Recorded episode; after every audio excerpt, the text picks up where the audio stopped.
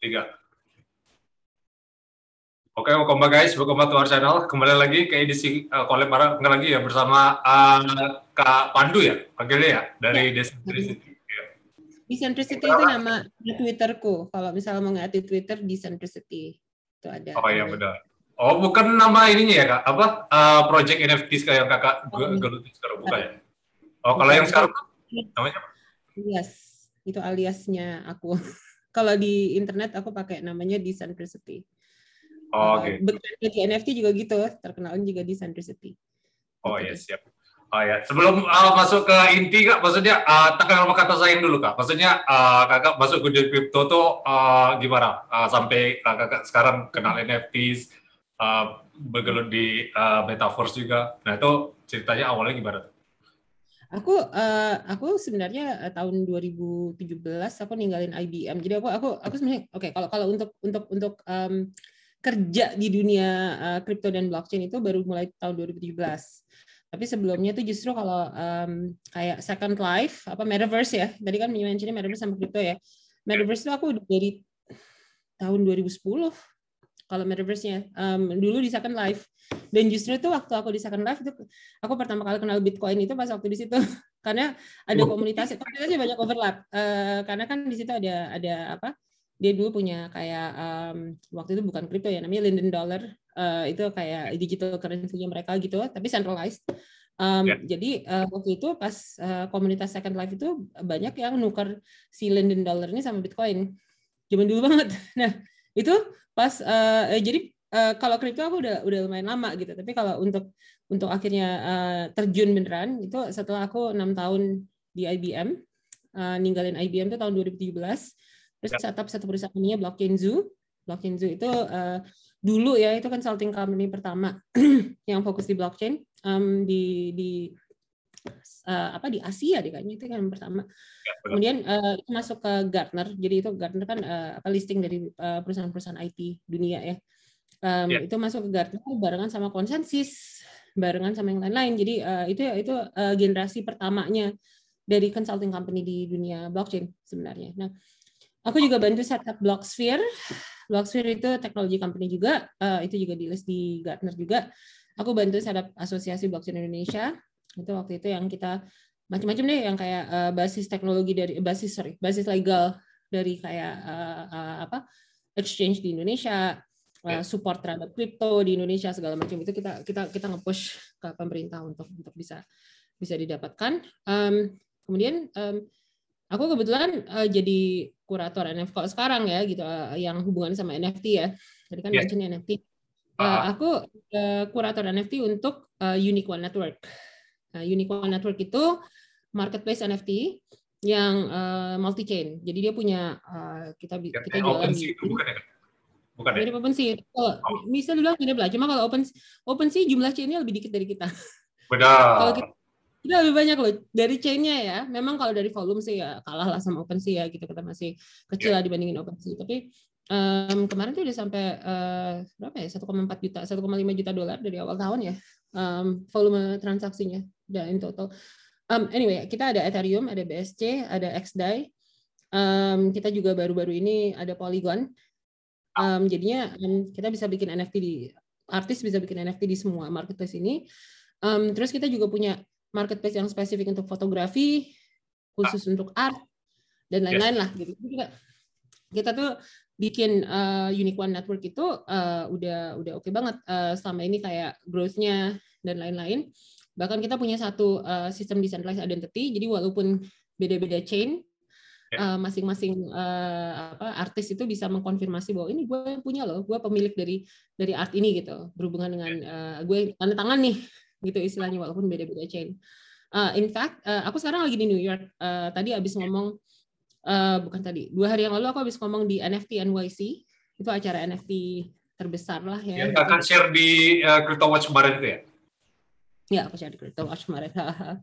Ya. Ya, terus ya, gimana? NYC seru tuh. Jadi uh, NFT NYC itu uh, NFT NFT uh, uh, NFT people dari seluruh dunia datang. Um, ini kebanyakan dari Amerika sih. Um, pembicaraan juga kayaknya yang Indonesia cuma aku doang.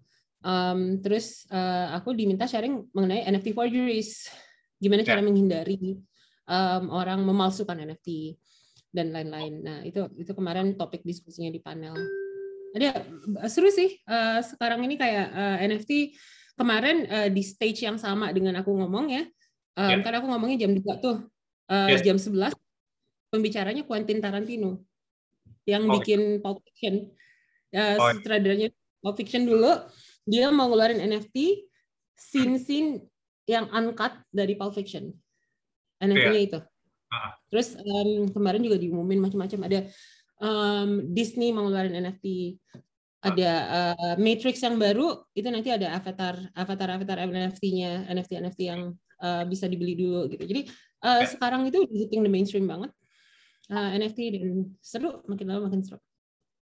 Jadi uh, itu ya kak, uh, kakak masuk ke, ke dunia kripto sampai uh, masuk ke dunia NFT kayak gitu ya kak. Uh, sampai si yang apa influencer yang terkenal itu siapa tuh Gary V itu kakak tahu gak? Dia kan uh, oh, uh, ya, uh, uh, kan NFT juga kan? Ada kemarin dia kayaknya. Oh gitu, ya ada juga. Oh iya. Lagi, lagi banyak oh. lagi jadi jadi lagi banyak orang-orang di sini yang yang uh, apa yang uh, ngomongin NFT dan kalau aku sih aku aku uh, di sini nggak gimana ya uh, ya mid mid level lah. Kalau kan ini banyak banget influencer influencer gede yang ada di sini yang ya, benar, yang, apa ya, yang ya gitu. Nggak sampai gitu-gitu amat lah gitu. Cuma cuma ikut aja gitu. Uh, dan aku kan sebenarnya latar belakangnya teknologi. Jadi uh, yang ya. lebih dibahas dari segi teknologinya gitu. Tapi ya. seru juga ikutan pestanya ngelihat orang yang selama ini kayak uh, kenalan sama orang di pesta gitu. Terus ah. habis itu uh, orang itu juga ngobrol-ngobrol oh kamu di Centricity ya? Gitu. Iya iya iya gitu. Aku ini. Terus pas aku lihat di Twitter followernya ada 125 ribu kayak gitu gitu. Jadi ini ini banyak banget influencer di sini sih. Banyak influencer uh, NFT lah NFT influencer. Karena memang kalau dari dulu kripto kan memang banyak influencer ya banyak yang nge-shill basically. Tapi uh, untuk NFT shillingnya jadi mainstream. Soalnya orang-orangnya banyak yang mainstream. Ya, soalnya ya, nah, NFT sih kan bukan kali pertama kan. Uh, 2017 tuh ada CryptoKitties kalau kakak tahu kan. Ya, ya, iya, kalau CryptoKitties kan tapi itu waktu itu niche banget. Orang-orang kan pada nggak. Benar. NFT NYC tahun lalu. NFT NYC tahun lalu dan event-event NFT tahun lalu itu sepi. Benar. Yang tahun ya. ini ramai banget. Yang tahun ini tuh New York itu kan ada bloknya kan bloknya panjang tuh. Iya benar ya ada eh, blok panjang ada blok pendeknya. Itu blok panjang itu satu blok itu keisi orang antre untuk orang masuk. Aduh. cuma untuk masuk gila iya. kan? Jadi uh, emang uh, apa ya uh, ini ya. Iya lagi-lagi udah jadi mainstream banget. Uh, bagus nih buat kita karena akhirnya jadi ada adoption kan. Itu sih orang-orang pada ngerti MetaMask misalnya. Ini orang-orang pada ngerti cara pakai wallet gimana gitu-gitu pada ngerti yeah. gas fee itu apaan kayak gitu-gitu. Jadi yeah. ini ini edukasi untuk orang-orang yang mainstream masuk ke kripto. Orang-orang jadi lebih lebih ngerti keadaannya seperti apa dan dan sebenarnya juga um, ini ya um, kalau kita lihat uh, ini juga bikin banyak chain-chain yang lain uh, near Solana segala macam itu masuk ke ke ke space ini juga ke NFT. Uh, eh, mungkin orang taunya sekarang tahunya kebanyakan NFT cuma adanya di Ethereum gitu karena memang ya. volumenya paling gede di situ. Ya. Tapi uh, marketplace aku yang Unique One itu XDAI bisa, Polygon bisa, itu standar NFT itu semuanya memang ngikutin ERC721 ya, karena kan itu sidechain-nya Ethereum. Tapi itu NFT-nya di tempat dia, NFT-nya di Polygon, NFT-nya di XDAI segala macam, NFT-nya di BSC. Um, ada lagi yang memang kayak near protocol yang totally different um, yes. dan uh, NFT standarnya beda juga. Itu juga dia udah punya satu NFT marketplace yang lumayan rame. Yang punya orang Indonesia lagi. Paras.id tahu Coba buka di paras.id. Paras.id itu ini uh, ya paras.id itu ini uh, um, apa namanya?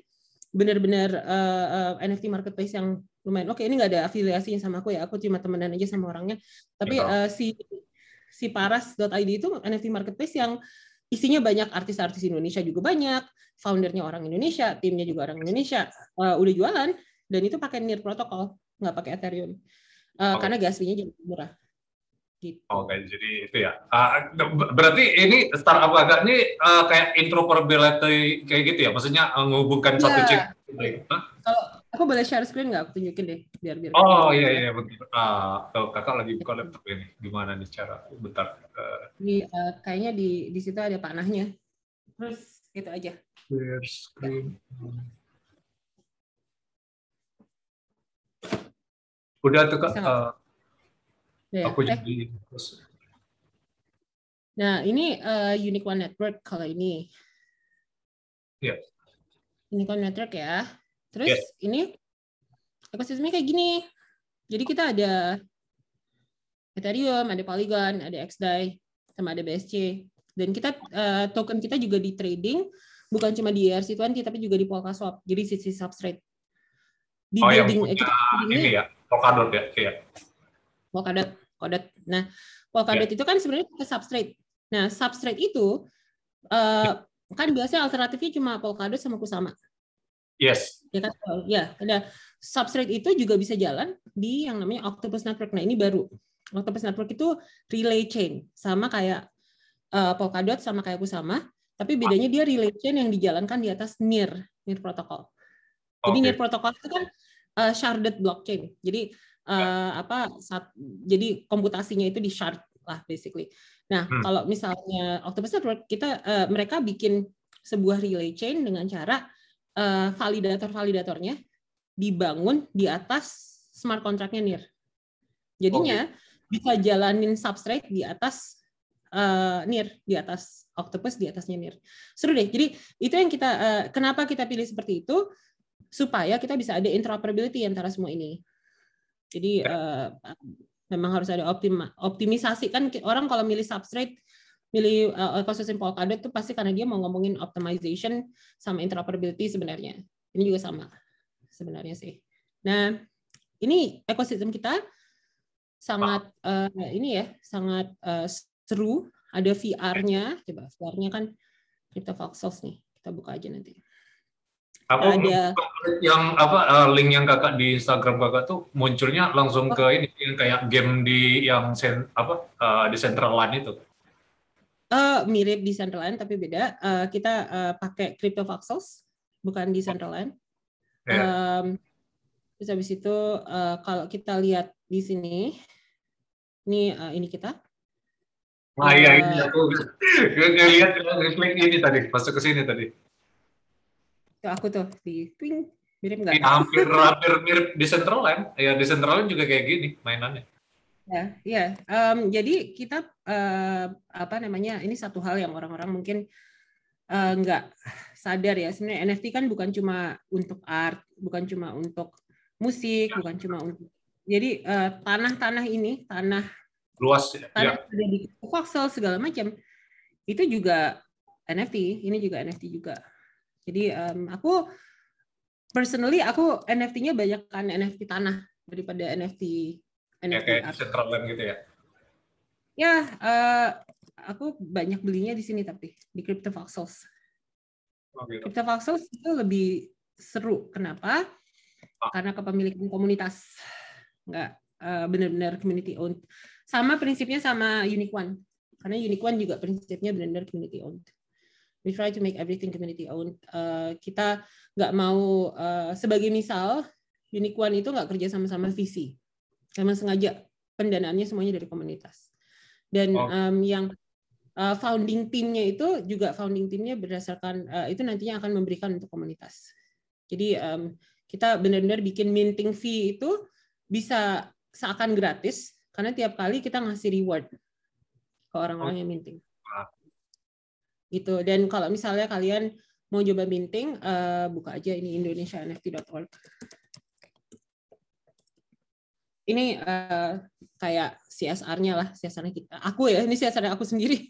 Iya iya benar. bisa Telegram ya. grupnya kalau mau minting, kalau mau Ah. minting gratis, kalian bisa minting langsung di sini. Jadi eh, langsung masuk ke Telegram grupnya, gua kirimin ini, gua kirimin Polygon apa XDAI apa segala macam.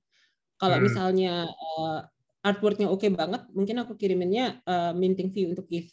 Tapi untuk untuk awal eh, artis mana pun, seniman mana pun yang mau bikin eh, mau minting, kontak Ya. aja aku Jadi uh, bisa juga ditaruh galerinya, nanti ditaruh di dalam galeri, bisa kelihatan di sini. Ah. Gitu. Jadi uh, ya begitu. Ini ini juga ini kan juga okay. galeri. Uh, ya. Ini bisa kayak VR untuk metaverse itu nggak sih kak? Soalnya kan ini udah masuk ke dunia uh, yang kakak hmm. bilang di dunia lain. Ya, metaverse itu sekarang uh, lagi besar banget. Jadi ini mungkin kayak kalau kita lihat what's next on NFTs, what's yes. next is going to be ini sih metaverse. Uh, uh, kalau coba kita lihat keluar deh. Ini kan ini kan tanahku nih yang ini kan tanahnya Unique One. Benar benar. Uh, yeah. kita, keluar, kita ngelihat ini langsung uh, tanahnya orang lain, tanahnya tetangga, tanahnya okay. tetanggaku, tetanggaku juga. Orang-orang banyak yang bikin bisnis di sini bisnis ya, uh, bisnis di sana. Ada yang kayak cuma masang masang apa? Masang art di sini terus dibayar gitu. Atau misalnya bisnis uh, membangun uh, bangunan di sini. Ada temanku yang kerjanya cuma uh, ngebangun uh, ya. building kayak gini nih. Nih misalnya dia ngebangun ini nih buat orang bisa dibayar 2 sampai lima ethereum. Satu ya. satu bangunan. Jadi uh, ini ini utility-nya jelas. Jadi kalau kita beli tanah di sini kita punya utility uh, yeah. utility yang langsung dapat itu kita bisa minting uh, wearables. Coba lihat baju kan. Aku ada baju tuh. Ah. Itu baju beli di Polygon. Jadi uh, oh. orang yang punya tanah bisa minting baju buat avatar-avatar. Ya. Yeah. Gitu. Nah, anyway, jadi uh, oh ini rusak nih. Oke, okay, terus uh, ini ada Portal Network. Temen aku ada yang running Portal Network satu. Oke. Okay. Iya sih. Yang jadi pertanyaan kadang Bitcoin Maxi itu juga kak uh, value dari NFT ini sendiri kak. Maksudnya ya kalau ada utility-nya kan tadi kan ya tergantung uh, kita menilai itu ada utility atau enggak ya. Market kan yang nilai kan. Nah cuman kalau misal uh, uh, selain yang di uh, kayak metaverse atau yang kayak ada game di uh, tradingin kan ada sirkulasi uang di sana. Nah menurut kakak value proposition dari NFT selain yang kakak bilang yang uh, apa yang hmm. tadi yang kayak yang musik atau apa itu itu worthless gak sih? Maksudnya ada yang worthless ada yang enggak sih NFT itu menurut kakak? Hmm, semua benda bukannya ada yang worthless ada yang kagak ya? Semua benda ya, ya bukan maksudnya aku pengen ya tahu ini kakak aja sih elaborasi kakak aja sih. Maksudnya menurut kakak gimana gitu? Oke, jadi aku mau cerita. Kemarin tuh aku di NFT NYC um, waktu jadi pembicara selain aku di stage yang sama pembicara yes. lain kan Tarantino tuh tadi. Nah, yeah. Quentin Tarantino kan jualan NFT. NFT-nya apaan? Itu uh, uh, apa? NFT-nya dia adalah um, udah nonton Pulp Fiction nggak? Pulp Fiction. Pulp Fiction filmnya Quentin Tarantino yang terkenal tuh. Nah, uh, si si Quentin Tarantino uh, si uh, Pulp Fiction itu uh, dia punya rupanya banyak uncut scenes jadi adegan-adegan yang angkat yang cuma dia yang punya. Dia mau jual itu sebagai NFT. Nah, oke. Okay. Sekarang bayangin kalau if you're a collector, kalau lo uh, koleksi banget film nih gitu, uh, ngefans banget sama film. Yeah. Um, punya itu memiliki kepemilikan itu ya, bukan nontonnya, kepemilikannya aja. Itu penting banget buat lo. ya enggak? Sebenarnya sama seperti yang lain. Jadi kalau kita bicara uh, misalnya nih, nih aku kan punya speaker NFT-nya uh, eh, NFT NYC misalnya. Um, hmm, aku nggak login kayaknya. Tapi misalnya nih sih ada Andrew Horn, ada Woody Friedman. Ini orang-orang uh, orang-orang ini semuanya uh, ini cuma kayak tiket mereka masuk doang 10 NFT, 10 NFT segala macam. Oh, gitu. Jualin lagi karena ya kenapa? Karena ini kayak komemoratif mengkomemorasikan bahwa oh gue ngomong di sini nih gitu orang-orang orang-orang yang terkenal di oh udah habis nih langsung. Ini orang-orang yang terkenal di bidangnya, uh, yang terkenal di, di dunia NFT, orang-orang bisa beli hmm. NFT-nya dari mereka. Dan ini uh, termasuk uh, kalau kita lihat uh, termasuk extension dari kolektabilitas. Kita dulu koleknya um, apa namanya um, baseball cards misalnya. Ya, kita Pokemon cards kayak gitu ya. Pokemon cards segala macam.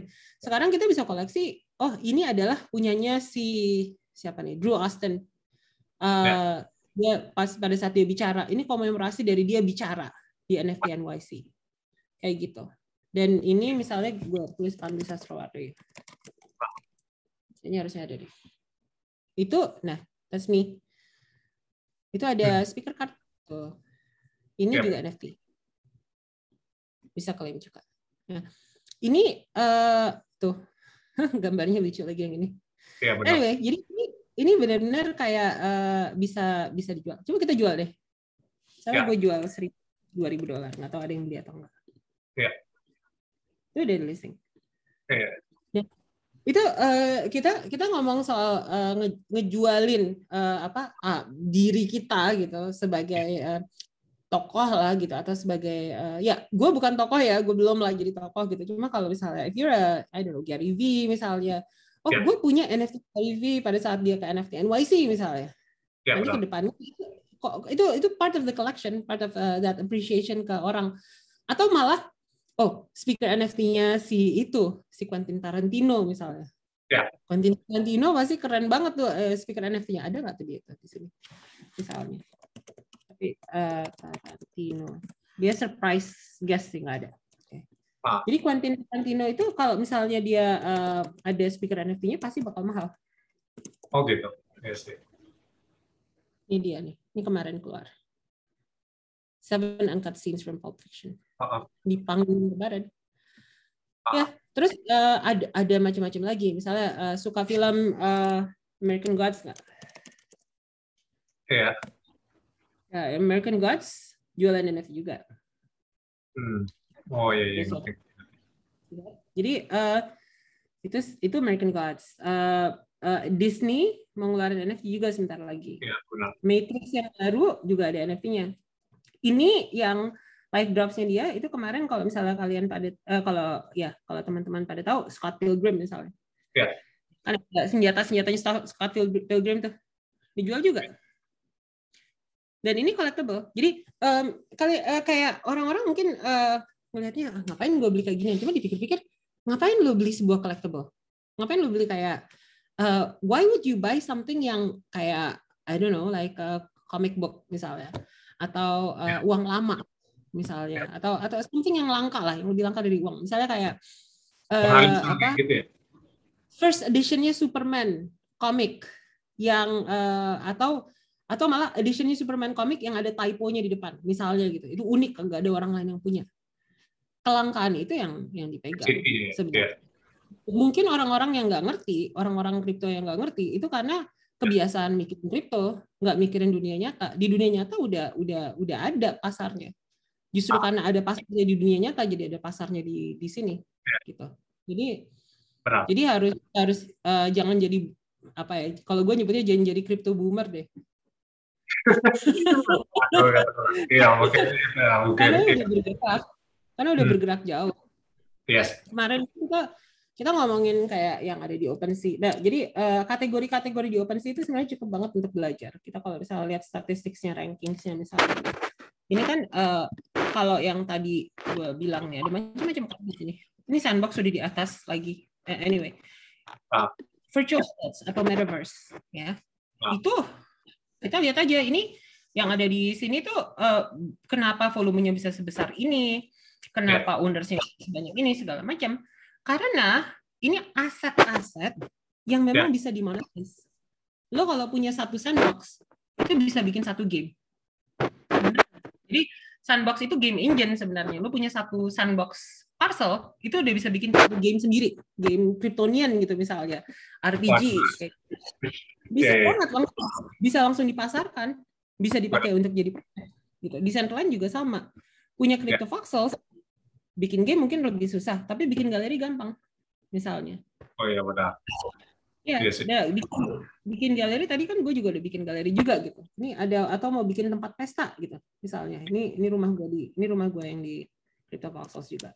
Misalnya mau eh, bikin beach house, Ah. misalnya, itu juga bisa langsung bikin beach house. Bisa bisa dipakai buat pesta, Yes. bisa buat nobar, nobar kayak gitu-gitu. Gue udah beberapa kali nobar di ini di di di dalam Crypto Voxels. Udah berapa kali pesta. Gue lebih sering pesta sekarang daripada gue waktu belum masuk ke Voxels. Benar benar benar. Dan, Iya. dan dan kemarin waktu ketemu memang ketemu live orang yang ini orang beneran gitu. ini ini orang-orang yang gue gua kenal pertama kalinya di Crypto Voxels baru ketemu kemarin. Setelah Oh. berbulan-bulan kenalan, berbulan-bulan jadi teman, akhirnya ketemu kita kemarin Iya benar. dan ya ya dan dan mereka bikin art di dalam mereka bikin bangunan-bangunan keren di dalam kayak gitu jadi ini sekarang sekarang itu uh, udah udah bukan jam gini uh, gue sangat respect sama orang-orang yang bisa huddle uh, sampai lama uh, Bitcoin dan lain-lainnya ya gitu dan gue juga kadang-kadang melakukan itu juga namanya juga nabung kan ya. ya. Ya. Tapi kalau kalau kayak gitu jangan dianggap bahwa ini ada sesuatu yang nggak ada utility-nya. Ini sesuatu yang sangat ada ya. utility-nya ya. banget. Benar.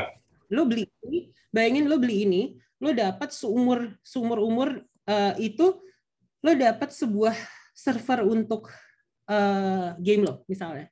Ya. Gampang gitu deh. Kalau kalau selama ini lo belinya per per apa uh, sama Amazon tuh per bulan apa segala macam.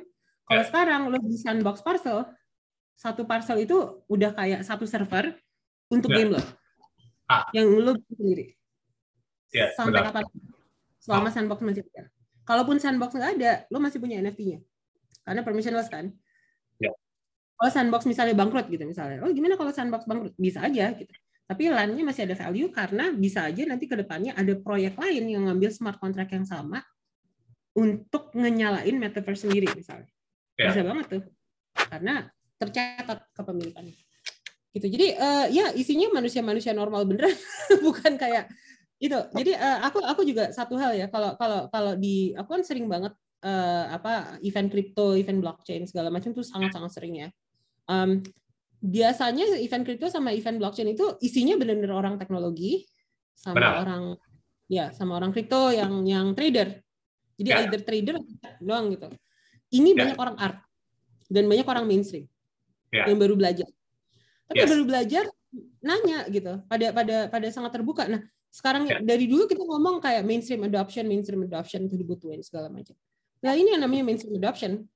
Yes. Kok malah dianggap uh, dianggap ini, kok malah dianggap aneh, kok malah dianggap scam itu karena mereka crypto boomer. Ah ya benar-benar. gitu deh. Uh, uh, Iya, aku ya bukannya itu tadi uh, ada anggapan aja sih mungkin kak. Maksudnya uh, ya aku juga percaya NFTs ini uh, kayak uh, is the future lah. Uh, selagi kalau misal metaverse tuh udah fully adopted kayak gitu ya. Uh, ya. uh, kalau misal belum kan uh, tetap ada paradigm shift kayak gitu kan. Gak bisa langsung kita langsung teknologi kayak internet aja kayak butuh kayak berapa puluh tahun kan baru bisa adopsi kan.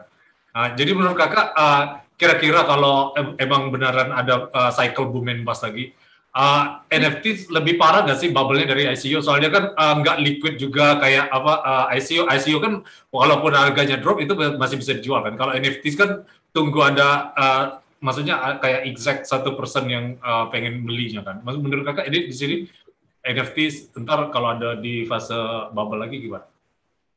Itu uh, oke okay. ada dua aspek tuh.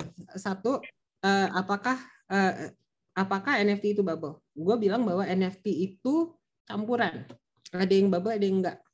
Dan yes. memang harus ngerti banget yang mana nih yang bubble, yang mana yang enggak. Dan cara untuk ngertinya, sebenarnya sih ini ya, um, kalau kalau kalau gue lihat kayak misalnya uh, yang board it yacht club segala macam overpriced atau enggak? Kemungkinan besar overpriced tinggi banget yeah. sekarang harganya. Tapi apakah bubble? Gue rasa enggak karena itu udah masuk kayak blue chip NFTs yang udah diinvest sama Christie Sotheby's segala macam uh, udah dilelang di mana-mana. Beeple misalnya Beeple jelas-jelas waktu itu jadi jadi yang paling mahal kan yeah. NFT-nya dia. Itu itu apakah overpriced? Gue nggak tahu tapi apakah itu bubble? Gue bilang enggak yeah. sampai level bubble sama sekali enggak oke okay. yeah. jadi kalau misalnya kita udah ngomong soal blue chip NFTs yang udah yeah. diinvest sama institutional investors, gue nggak, yeah. gue sangat-sangat nggak yakin bahwa itu bisa jadi bubble. Kalau misalnya yang sekarang yang kayak PFP, PFP projects yang lucu-lucuan, yang aneh-aneh, yang ada apa ya, super simple yeah, yeah, yeah, yeah. apakah uh. itu bisa jadi bubble? Bisa banget, bisa yeah. aja, bisa aja. Tapi bahkan bisa jadi rakpol, banyak yeah. yang kayak gitu juga, gitu kan. Um, karena mudah kan untuk bikinnya. Itu itulah namanya juga permissionless. Permissionless means it's easy untuk bikin. Um, semua orang juga bisa bikin. Nah, tapi uh, ingat ada kelas NFT lain selain art NFT sama profile pic NFT sama collectible NFTs, yaitu yang punya utility yang hubungan sama metaverse. Ya, benar. Gue punya tanah di metaverse. Ya. Itu utility jelas banget. Utility-nya sangat-sangat jelas. Gue punya tempat gini. Sebagai contoh, sebulan yang lalu gue bikin uh, acara buat uh, si Octopus Network tadi yang um, proyek yang nggak ada hubungan sama gue. Ini gue cuma, well ada hubungannya sih, hubungan bisnis. Tapi um, uh, gue bukan karyawan mereka, bukan segala macam. Iya, iya, Gue bikin pesta. Ya, gue bikinin pesta buat mereka. Tahu nggak pestanya yang datang berapa orang? 8.800 orang. Waduh. Lebih banyak daripada pesta di dunia nyata. Dan yes. itu uh, itu unique visitors. Jadi orang-orang pada datang, pada dengerin eventnya, pada join segala macam. Cuma dalam waktu tiga jam, tiga jam dapat 8.000 orang. Waduh. Banyak juga ya. Iya, benar. Nah, uh, nah pertanyaan gue gini, ya orang-orang pada bilang kan, ya oke ngapain gue lo beli NFT tanah kan lo bisa bikin aja sendiri, apa setup apa kayak Minecraft server sendiri semuanya disuruh masuk bla bla bla. Dapat 8.000 nggak? Kagak bakal dapat karena Ya. economy subscale-nya nggak dapat. Economy subscale-nya dapat gara-gara ini crypto voxels, Decentraland, Somnium Space sama Sandbox punya economy subscale yang datang dari komunitas Benar. yang gue ada yang eh, dan itu lebih baik juga daripada yang nanti Facebook mau nyoba bikin yang meta meta itu kan Iya, meta. jadi meta nah si meta itu kan mau bikin metaverse dia sendiri itu centralized Iya, punya dia sendiri mungkin Iya. dia punya scalability buat itu tapi community ownership nggak ada jadi Iya, kalau kalau misalnya Oh, gue gue sangat yang gue sangat yakin kalau misalnya NFT tanah NFT metaverse itu kalau misalnya nggak sekarang masuknya itu nyesel sih sebenarnya not financial advice ya tapi kalau misalnya nggak masuk sekarang tuh nyesel karena um, utility-nya jelas banget ke masa depan dan selalu di grow. Um, sekarang aja tuh crypto voxels buka buka dari HP bisa dan udah langsung bisa langsung dijadiin VR. Buka pakai Oculus juga bisa. Jadi Yes. uh? Um, itu investasi yang benar-benar real karena utility-nya ada di dalam. Nah, itu baru satu bagian. Bagian kedua adalah uh, fraksionalisasi. Dan ini Ya. apply bukan cuma untuk land, tapi Ya. juga untuk all the other things, uh, board ape dan segala macam. Jadi ini uh, bagian dari derivat lah ya, basically. Jadi kita masukin itu NFT ke smart contract, Ya. dan smart contract itu mempublish E ERC20, basically. Ini bagus. Kenapa? Karena Ya. akhirnya si NFT tersebut punya utility yang di luar dari utility dia sebagai NFT. Tapi Ya. utility berhubungan dengan tradability. Um, Oh. Akhirnya jadi composable kan, akhirnya jadi DeFi. Benar. Ya, Mm-mm. jadi kayak interoperable lagi ya kan. Iya kan? Ya, ya composability. Jadi bisa dipakai lagi tuh E ERC20 untuk jadi LP, bisa jadi Ya, banyak hal sebenarnya yang uh, kalau kita lihat di NFT itu um, teman-teman mungkin ngelihatnya cuma kayak ah ngapain lo beli JPEG gitu. Gini loh, kalau kita Ya. semua pada percaya sama ini JPEG punya harga. Ya. Ya berarti ada harganya sama kayak Bitcoin. Kalau kita semua percaya bahwa memang Bitcoin punya Ya. harga, punya underlying value dan itu punya underlying value sama juga. Yes. Jadi Ada yang rekor kemarin berapa? 69 juta. Ah, 69 juta dolar kan. ya, ya, ya, ya, Iya, yang itu sold out hoax. gitu. Keren? Wah, gila itu. Dan eh, ya eh, itu itu dia aset kelas sebesar itu nggak bisa diignore sebenarnya dan nggak bisa kita diemin aja. Ya. Jadi, eh, ya sama kayak seni di dunia nyata pun ah, banyak juga yang nggak masuk akal juga kan, tapi dinilai tinggi kayak gitu kan. Kayak yang kita menurut kita masuk akal kan itu value itu kan market yang nentuin kan. Jadi kita nggak bisa ya, benar ya yang kakak bilang tadi. Ah, ya memang terus market yang kalau, kalau memang gini, memang eh, orang-orang pada bilang ini ini kan purely pure market ya, pure market forces biasanya. Ya. Tapi eh, bahkan dengan pure market forces itu kayak gini deh, kalau em, beda sama misalnya eh, kemarin eh, di US ini lagi ada perdebatan karena tiba-tiba aja US mau ngeluarin nggak jadi sih kalau salah koin commemorative coin yang harganya itu satu triliun kalau salah. Triliun. Oh iya itu tahu aku. Yang ah, masalah dead ceiling itu nggak sih kak? Iya. Ya, itu kan pada, Iya, pada sih. ngetahuan, oh itu sama kayak NFT itu sama kayak NFT itu gitu. Ya. Beda, karena kalau misalnya kayak gue punya NFT nih, gue bikin NFT, gue jual langsung satu triliun, kagak ada yang beli. Jadi jadi sebenarnya US dengan fiatnya atau Ya. dunia lah dengan fiatnya, eh, bedanya dengan dengan NFT adalah NFT itu tidak, kalaupun kita nentuin harga nggak dibeli, bukan itu harganya? Iya benar. kalau ya kan? Eh, eh, kita kita ngelihatnya adalah harga jual terakhir. Bukan harga sekarang dijualnya berapa gitu. Gue gampang gue bikin NFT gue bikin harganya 100 ethereum. Ada yang beli atau kagak? Ya, kagak benar. kagak ada yang beli. Kalau kagak ada yang beli berarti bukan itu harganya. Itu namanya Ya, price discovery mechanism. Nah, em, nah, eh, oh kalau misalnya wash trading gimana? Gue gue jual 10 Ethereum, gue beli sendiri 10 Ethereum gitu misalnya. Oh kelihatan 10 Ethereum harganya. Oke, tapi volumenya cuma satu orang yang beli. kelihatan juga bahwa itu bohong-bohongan. Jadi jangan jangan mungkin mungkin gitu ya. Jadi mikirnya adalah kayak mikir uh, kita kalau jualan jualan uh, eh, NFT sama beli NFT kelihatan historinya juga kan sama kayak kita jualan kripto beli kripto. uh, ya. Ini lebih tidak terfraksionalisasi. Jadi kalau kita ngelihat oh ini uh, satu benda ini udah dibeli sama berapa orang, volumenya berapa segala macam. Justru kita bisa lebih analisis.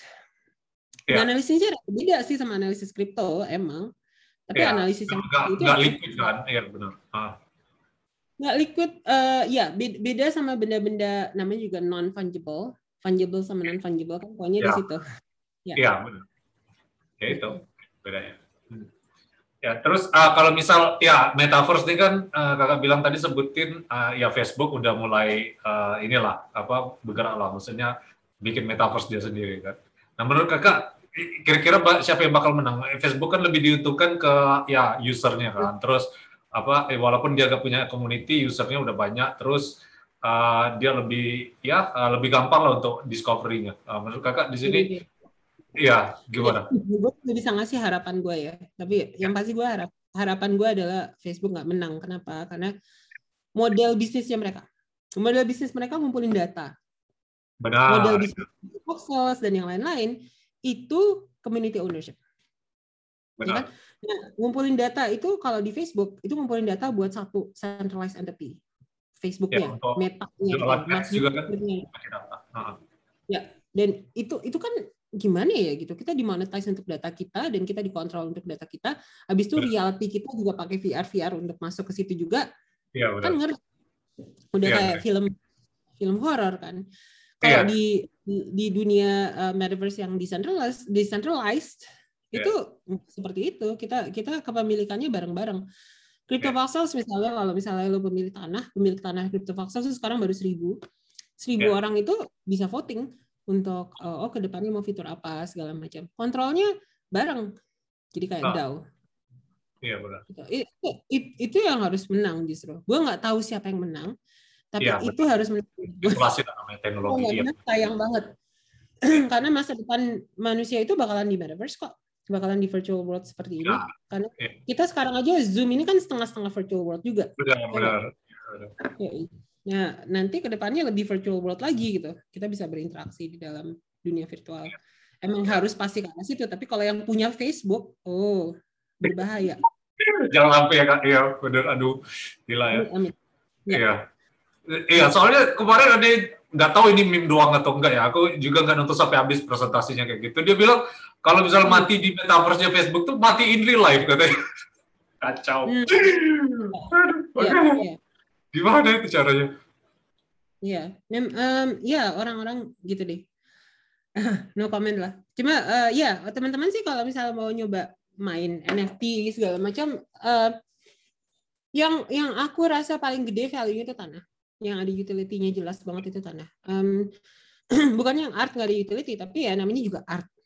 Nah, ya, ya art itu, itu kan tadi. Uh, itu harusnya kalau art ya. utility-nya yeah. bukan di artnya gitu. Kalau kalau gue beli gue beli Mona Lisa deh gitu, gue beli Mona Lisa, gue nggak bilang Mona Lisa ini bisa gue pakai apaan ya? Kan kagak, cuma gue liatin doang sebenarnya. Gue yeah. kagumin gitu. dan gue banggain ke orang-orang gue punya Mona Lisa loh di rumah gitu. Yeah. Atau gue punya punya karya Da Vinci loh di rumah. Ini Da Vinci beneran loh gitu itu uh, cuma ngebangga banggain itu aja gitu sebenarnya. Itu kan Benar. utility juga. Tapi itu doang gitu nggak ada utility kayak oh ini harus bisa gini ini harus bisa gini. Nah tapi kalau yang memang NFT yang ada utility bukan berarti nggak ada tempatnya. Sangat ada tempatnya. Ya, misalnya ya uh, misalnya sekarang uh, Board Ape Yacht Club itu ada satu monyetnya. Itu si Jenkins Jenkins the Valley itu yeah. dia punya satu uh, proyek hanya berdasarkan satu monkey itu doang. Ya, uh, buat buat bikin ini buat bikin buku. Nah ya. bukunya itu uh, dia jualan token. Ah. token tersebut dipakai untuk memutuskan apa yang akan ada di bukunya itu.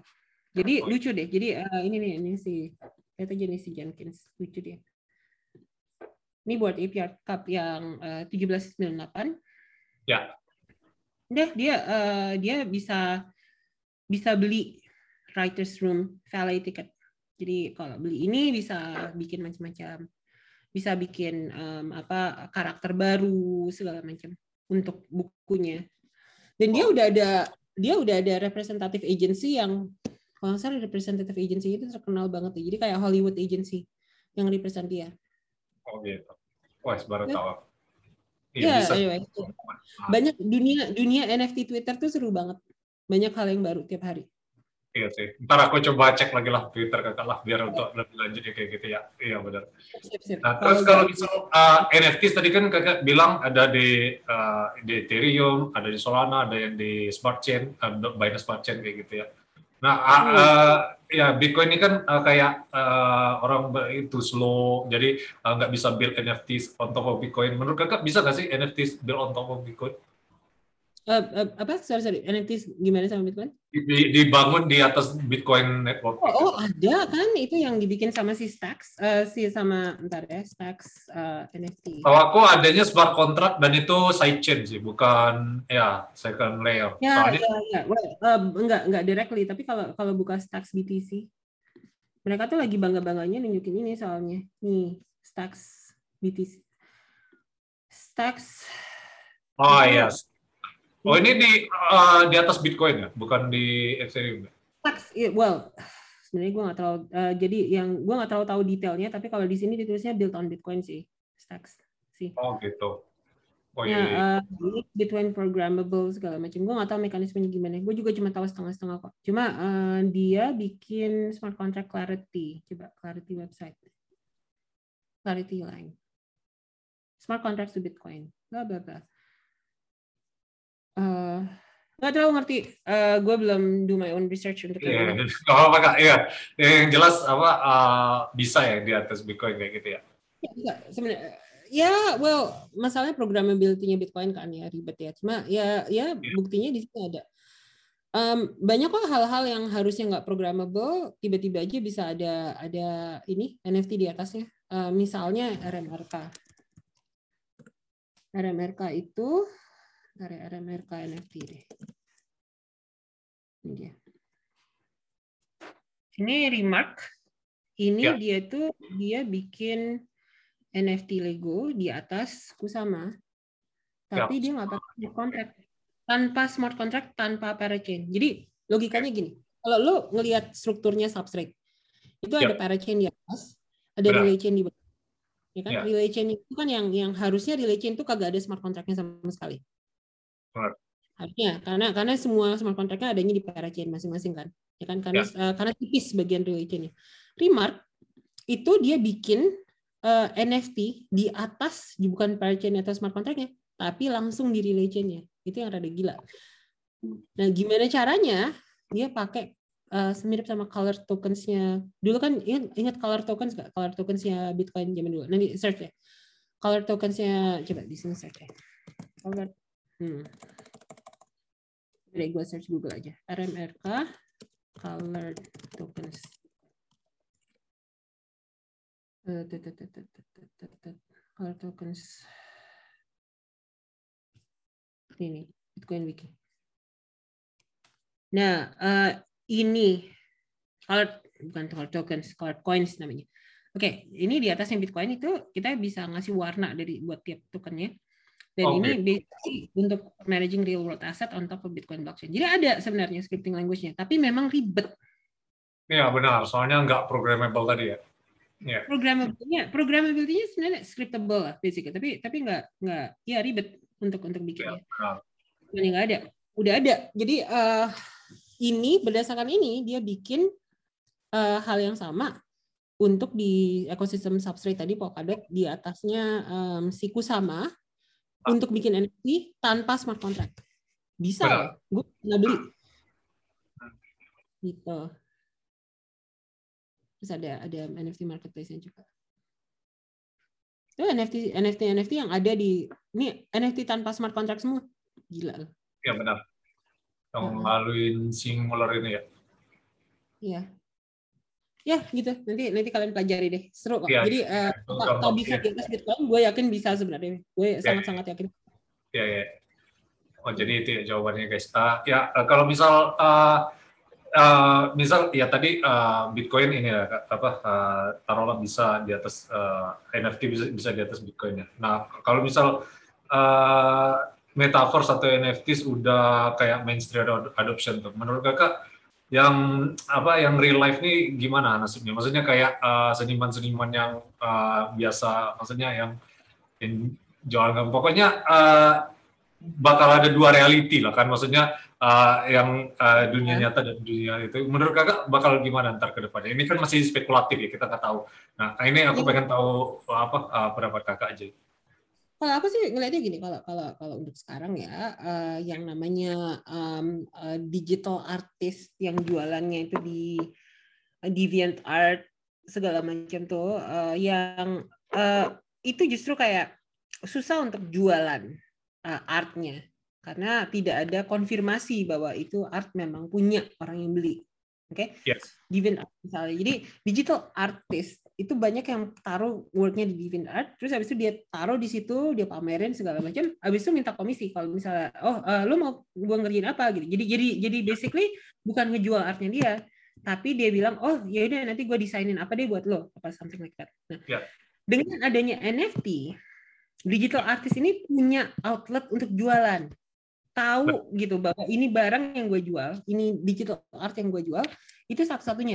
Atau cuma ada 100 kopi misalnya bandingin sama uh, physical art orang yang gambar di kanvas misalnya kanvasnya bener satu doang fisik gitu kan terus dijual dijual ke mana-mana um, yang dia jual itu satu benda itu orang oh. itu beli langsung megang gitu ini kanvas punya gue gitu kan yeah. kepemilikan digital art dulu nggak bisa ya. sekarang yeah. jadi bisa itu wow. yang satu lagi yang orang-orang nggak nyadar digital artist tuh banyak banget loh yang sekarang ini kayak uh, kerjanya itu di perusahaan-perusahaan uh, desain atau perusahaan-perusahaan yeah. game apa segala macam tadinya mereka cuma bisa bisa kayak jadi karyawan doang ya. sekarang yeah. mereka bisa jualan mereka yeah. bisa jual apa yang mereka bikin gitu dan ini Benar. pertama kali sebelumnya nggak bisa yeah.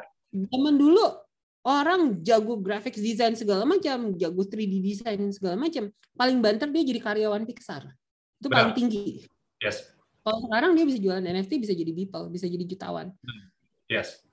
Orang kalau misalnya di fine art, fine yeah. art apa ya dulu dari dulu udah dapat jutaan dolar. Yeah. Makanya sekarang kalau misalnya jangan mencemooh kalau misalnya ngelihat oh masa sih ada NFT dijual jutaan dolar segala macam. Yeah. Ada buktinya, iya benar. Ya. fine art juga udah dijual jutaan dolar juga. Di New York ini di New York ini banyak museum-museum fine art. Masuk yes. ke dalam aja bayar. 100 ya. dolar. waktu ngeliatin segala macam harganya ada yang ratusan ribu dolar satu satu painting doang. Ya. ya ya wajar itu harga wajar nggak ya. terasa wajar cuma gara-gara nggak terbiasa sama dunia art dunia art itu ya. emang jualannya segitu butuh gitu. paradigm shift itu tadi sih kak kalau teknologi itu ya bisa cepat sih ya, baru. harus harus diubah dikit gitu pikirannya karena kita orang teknologi tapi kita sekarang jadinya juga ngebantuin orang art untuk masuk ke sini dan ya. sebelumnya mereka bisa jualan ya gimana ya sekarang jadi bisa jualan makanya jadi booming yeah. gitu jadi ini bukan bubble ini gara-gara baru gila selama ini gue nggak bisa jualan sekarang gue bisa jualan makanya yeah. banyak banget sekarang digital artis yang jualan di sini ah. gitu. Ya mungkin ya. itu sih jawabannya. Eh, berarti makin disconnect to reality ya, maksudnya uh, NFT uh, sama metaverse ini ya? Ya uh, bakalan ada bakalan ada growth dari ke uh, ini ke reality antara reality sama non reality antara metaverse dan NFT, gue rasa nyambung justru. Jangan bilang disconnect. Justru mungkin bakalan grow di sana, tapi bakalan lebih connected. Semua orang bakalan kayak misalnya gini. Um, aku ada event tahun ini If Denver, Ethereum yeah. Denver ya. Itu tahun eh tahun ya 2021 benar. Februari kemarin. Itu eventnya fisik di Denver dan yeah. juga di metaverse ada metaverse-nya metaverse eventnya juga jadi kita uh, juga jalan-jalan di Crypto Voxels, dengerin-dengerin segala macam, ketemu sama orang, ngeliatin yeah. artnya segala macam. Itu kita di dalam Crypto Voxels-nya. Tapi physical event juga ada. Saling connect. Oh, saling connect ya. Okay. Saling connect. Begitu juga dengan art yang ada di galeri-galeri, itu tetap ada art yang fisik, ada ada art yang yang yang NFT. Yeah. Nah, eh, untuk untuk ditunjukin itu NFT. Makanya kalau lu bilang ini uh, kalau kalau art NFT, art yeah. NFT yang beneran art yang ini benar-benar digital artist, Beeple yeah. segala macam all the blue uh, blue apa blue chip things itu dibilang bubble, itu berarti bilang art secara keseluruhan itu bubble. Karena selama ini mereka juga udah jualan dengan harga segitu. Cuma nggak termasuk digital artist. Ekspansi ke digital art itu yang akhirnya justru bikin digital artist jadi masuk ke mainstream value, ke mainstream value chain-nya artist gitu. Ya. Makanya gue kalau di hmm, apa ya, di Unique One kan gue fokusnya jadi kuratornya ya, kurator ya. seni gitu. Gue padahal latar belakangnya IT banget gitu kan. Tapi uh, sebenarnya kalau ngelihat dari sisi kurator, dari segi kurasi, dari segi milih artnya yang masuk segala macam, itu mirip kok kayak milih art biasa, art Benar. non arti. Pemilihannya sama, nilai artistiknya gimana nih? Gitu. Hmm, masukin nggak gitu segala macam. Um, ya, overviewnya gitu pak. Ya, tak, ya eh, kakak sebut di awal tadi kan uh, suka di di OpenSea kayak gitu uh, banyak yang duplikat. Jadi kita walaupun dia scarce kayak gitu banyak yang uh, tak nggak tahu ya, mana yang asli Iya, itu menurut kakak ya. gimana?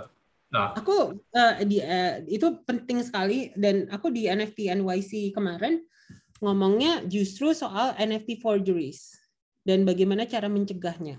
Nah, um, ada dua cara untuk mencegah NFT forgeries. Satu caranya centralized, itu yang dilakukan sama OpenSea. OpenSea itu punya blue check mark. Jadi kalau udah di check mark, yeah. oh ini beneran proyeknya gitu. Kalau nggak ada blue check mark, hati-hati. Tapi masalahnya memang banyak sekali proyek. Jadi yang yang blue check mark cuma dikit. Oke. Okay? Kedua, masalahnya adalah karena centralized. Namanya juga centralized ya. Jadi ada bias di OpenSea. Kadang-kadang OpenSea prefer oh proyek A nih, gue nggak suka proyek B. Mungkin ada alasan di OpenSea, tapi diserang sama komunitas. Ya, okay. Ada cara kedua, yaitu dengan cara secara sovereign. Gua punya nama domain gua, domain sorry INS domain gua ya, itu uh, di university.if misalnya. Udah ya. itu nama gua di mana-mana. Lo kalau misalnya buka uh, punya gua, berarti lo buka uh, uh, ya harus tulisannya di university.if. Jadi lo tahu nggak ada orang lain. Masalahnya itu kan cuma berlaku di chain-nya itu doang. Yeah. Chain lain gimana? Jadi ada uh, beberapa solusi, salah satunya View Protocol yang uh, justru dia bikin satu chain khusus untuk bikin uh, identity dan itu identity itu dihubungkan dengan NFT-nya. Jadi istilahnya kalau lo Leonardo da Vinci lo bikin Mona Lisa, NFT-nya itu kayak ditandatangani Mona Lisa at da Vinci. Oh gitu ya benar. Oh, jadi ada ada hubungannya langsung antara NFT-nya sama orang yang bikin dan itu ada di mana-mana di semua NFT-nya. Jadi, Jadi uh, ya gitu ada dua cara gitu ya intinya kata tadi. Dua cara dan abis itu tinggal gue ngomong misal udah Da Vinci ya, lu ngomong oh kalau misalnya ini NFT kagak ada tulisan Da Vinci-nya itu bukan punya gue. Benar. Gitu. Gitu doang sih sebenarnya. Uh, terus ya, uh, banyak ya karena uh, likuiditasnya masih rendah kayak di NFTs kayak gitu ya kak. Jadi masih ada sering yang flipping image. Nah menurut kakak di sini flipping image di sini uh, ya gimana Jadi, terus uh, uh, wash trading ya wash ya, trading, wash trading ya ya kan ya, trading. umum itu tapi kelihatan kok kalau wash trading kalau beneran atau kalau udah yeah. kalau udah pengetahuan kelihatan kok itu dan yeah. ya, dan itu sama lah kayak kita menilai Tunis, semua ya, jenis, iya semua jenis proyek atau kita lihat Twitternya kayak gimana, terus artnya kayak gimana gitu segala macam. Itu itunya masih sama, masih nggak terlalu beda jauh sama sama kayak kita ngeliatin proyek. Yeah. Tapi ya itu bedanya um, gini. Dulu zaman ICO bubble, lu nggak kebayangkan ada Disney bikin ICO kan nggak mungkin. Quentin Tarantino bikin ICO kan mungkin. Kemarin aja ada Squid Game itu langsung goes to zero. ya, tapi kan bukan Squid Game beneran, itu kan bukan Squid Game beneran. Ya. Benar, makanya iya. Kayak ya, gitu lah. Tapi, tapi gini, kalau kalau misalnya Quentin Tarantino ngomong di CNBC dia yang bikin airdrop NFT NFT-nya itu adalah untuk Pulp Fiction, kita kan percaya sama CNBC gitu. Jadi ya. pokoknya gini, uh, ada saatnya di mana uh, kita uh, kita bisa ngelihat ada mainstream adoption di sini dan ini mainstream adoption-nya datang dari institusi-institusi sama selebriti-selebriti. Lo ambil itu, lo pegang itu sebagai trust uh, dasar dari trust-nya. Yeah. Nah, kalau kalau udah di udah Quentin Tarantino yang ngeluarin dan itu udah benar-benar linknya dari dia, ada di sosial medianya dia segala macam, ya lo percayalah gitu bahwa itu pasti ada ada value-nya gitu. Nah, bukan berarti ya, bukan berarti itu bakal gains langsung 100x, 10x apa segala macam enggak gitu. Tapi lo bayangin gua nggak ada NFT juga kalau pada suatu saat ya misalnya misalnya ini ada dunia yang tanpa NFT lah Quentin Tarantino di depan gue bilang bahwa eh gue punya uncut versionnya Pulp Fiction. Gue Ya. jual berapa lah sama gue gitu. Cuma ada satu edisi. Uh, gue bayar banyak banget tuh buat itu. ya nggak? Kalau di dunia nggak ada blockchain pun gue bakal bayar banyak gitu. Apalagi ini dunia yang ada blockchain yang memang gue bisa buktikan bahwa itu kepemilikan gue. Ya. Belum lagi, misalnya, eh, misal gue nggak tahu Quentin Tarantino jualnya gimana ya. Tapi ada juga yang eh, eh, gue beli musik misalnya, itu musik jadi punya gue. Gue bisa rearrange, bisa remix, gue dapat garage bandnya, bisa Ya. langsung gue ubah-ubah segala macam. Gue punya beneran itu mu- musik-musik kayak gitu. Jadi album gue beli bukan cuma gara-gara gue suka, tapi karena gue mau jadiin itu musik gue sendiri misalnya. Bisa kayak gitu. Ya. It- itu itu yang uh, utility yang selama ini kita cari buat blockchain yang mainstream adoption itu ya udah udah ada sekarang gitu. Kalau nggak nyoba ya ketinggalan. udah Ya. seru banget NFT sekarang. Ya, jadi ya itu ya uh, apa uh, mainstream adoption uh, sama flipping image tuh uh, jadi oportunis kayak gitu aja kan. Ya, itu itu lah. Flipping image orang-orang bikin orang-orang oke, flipping image itu kan eh wash trading segala macam itu negatif di mana-mana. Tapi tapi yang yang lo lihat jangan itunya yang lo lihat tuh benar-benar ini ini gue percaya nggak ini Quentin Tarantino kok. Ya, Oh ini betul. dari social media dia kok, bukan dari random person kok gitu. Bukan screenshot bohongan kok gitu. Ini orang Ya. beneran ngomong. Ya gitu deh. That's Ya, the overview dari gua. Ah, terus terakhir nih kak, mungkin ini kakak nggak expert di bidangnya ya. Aku cuma pengen tahu kakak aja. Ah, menurut kakak bull market ini ah, sampai ke mana nih Bitcoin? Maksudnya ma- apa masih bull market atau enggak? Price prediction kakak menurut kakak gimana?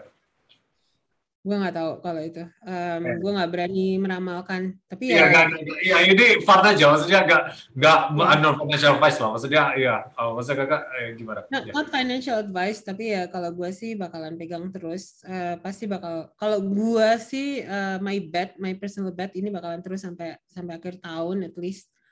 Um, dan tahun depan nggak tahu. Tapi kalau tahun ini bakal bakalan terus kok. Um, ya dan apalagi dengan adoption mainstreamnya NFT, satu itu bikin gue lebih bullish, tapi dua itu juga bikin bahwa bull, bull bear cycle kita sekarang udah jadi beda karena udah masuk mainstream banyak banget. Benar. Institutional institutional yang masuk, Disney masuk segala macam itu men- menyuntik banyak sekali liquidity ke sini kan. Jadi apakah itu bisa um, apa mengubah siklus? Gue nggak tahu ya. Tapi um, gue rasa sih ada kemungkinan. Jadi ya ntar itu masalah lain lah. Kalau yang jelas kakak Oh, ah, gitu, iya. bullish case kakaknya gitu ya. Ya. Oke, begitu. ah, itu aja kak. Kayaknya udah sejam kayak gitu ya. Ah, Kakak juga udah mau kerja juga. Jadi ah, ya mungkin itu aja guys. Uh, kalau kita kali ini ah, ntar aku share bakal share ah, tentang project NFT kakak di link deskripsi. Thank you kak udah main-main di Crypto Channel. Ah, mungkin kalau ada waktu lagi ah, mampir-mampir lagi lah kayak gitu. Oke kayak gitu. Terima kasih ya. Ya, Oke oke. Ya, ah, leave a like and subscribe to our channel ya guys. Udah aku